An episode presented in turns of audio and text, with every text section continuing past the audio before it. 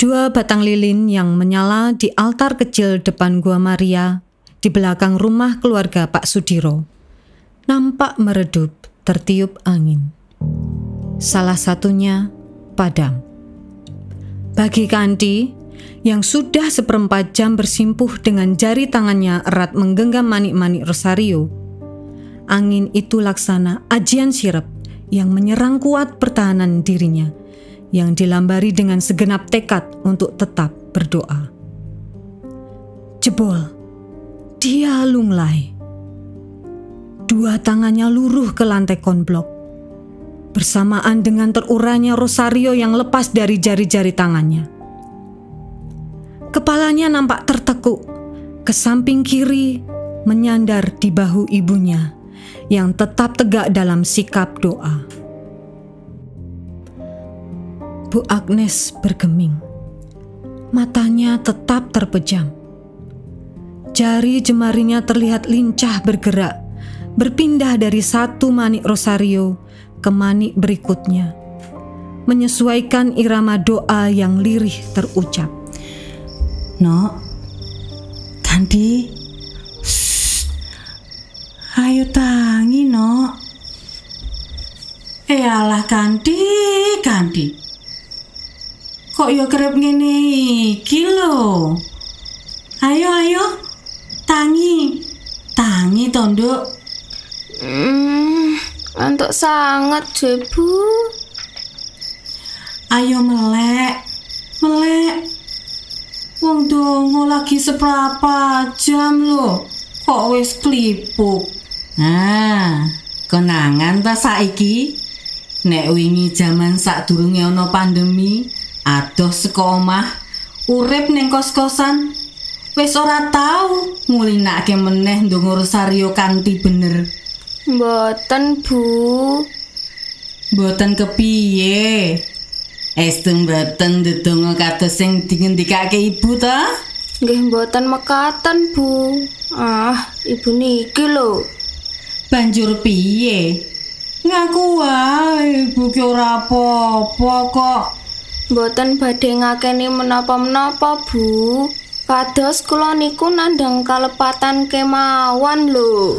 Weh, lagi mau dong nganti keturun apa ora luput? Ayo, iki wis mulai lali ajaran ibu mesti.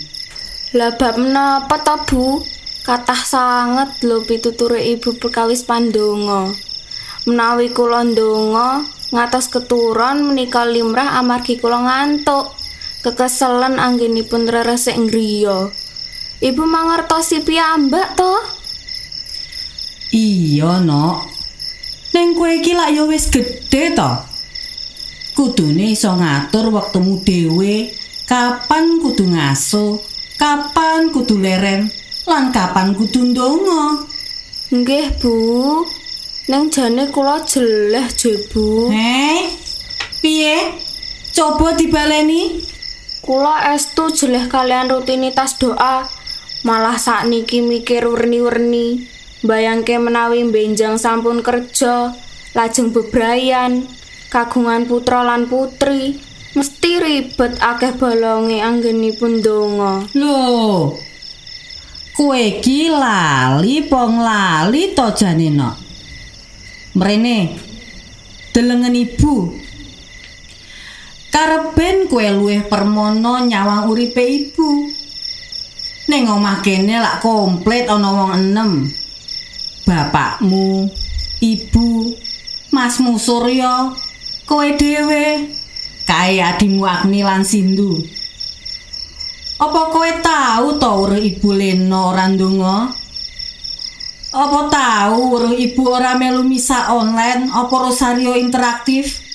Kamangka ibu kudu ngurus omah, bapakmu, anak papat, lan kumpulan ibu-ibu kampung lan lingkungan.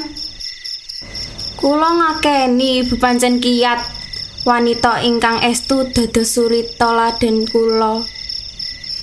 Ngerti kuat mergo apa? Amargi linambar ajian sirep manjolo rasa warisan Eyang Buyut gubar baleman ibu. Hehehe. Kene kelingan no. Apa coba tegese ayo? Manjolo rasa menika manjing alam raganing sabda. Tegesipun anut runtut miturut sabdanipun Gusti ingkang sampun kaserat wonten ing kitab suci. Dipun sebat ajian sirep amargi saged ndadosaken lerem ayem kados tiang sare. Menika sampun dados tradisi turun temurun saking sedaya keluarga besar garis turunipun Eyang Buyut. Neng kangge kula menika estu aurat, Bu. Lho. Kabeh ki lak yo nganggo lelaku to no. Jangkahmu ki isih dawa. Isih akeh wektu kanggo musinau. Ning yo aja kesuwen. Kareben kowe ora kesirep ajian liyane sing ora cetha. Ngerti? Menawi kula kathah damelan, mboten wonten wekdal pripun? Ngene, ngene nak. Wong sing paling sibuk kuwi, wong sing paling pinter ngatur wektu, ora mung kanggo awake dhewe, ning uga kanggo wong liya. Lan sing paling penting kanggo Gusti. Ngerti? Kanti makin tenggelam dalam tidur. Seakan doa rosario yang khidmat diucapkan ibunya, menina bobokkan dia, melebur dalam mega-mega mimpi.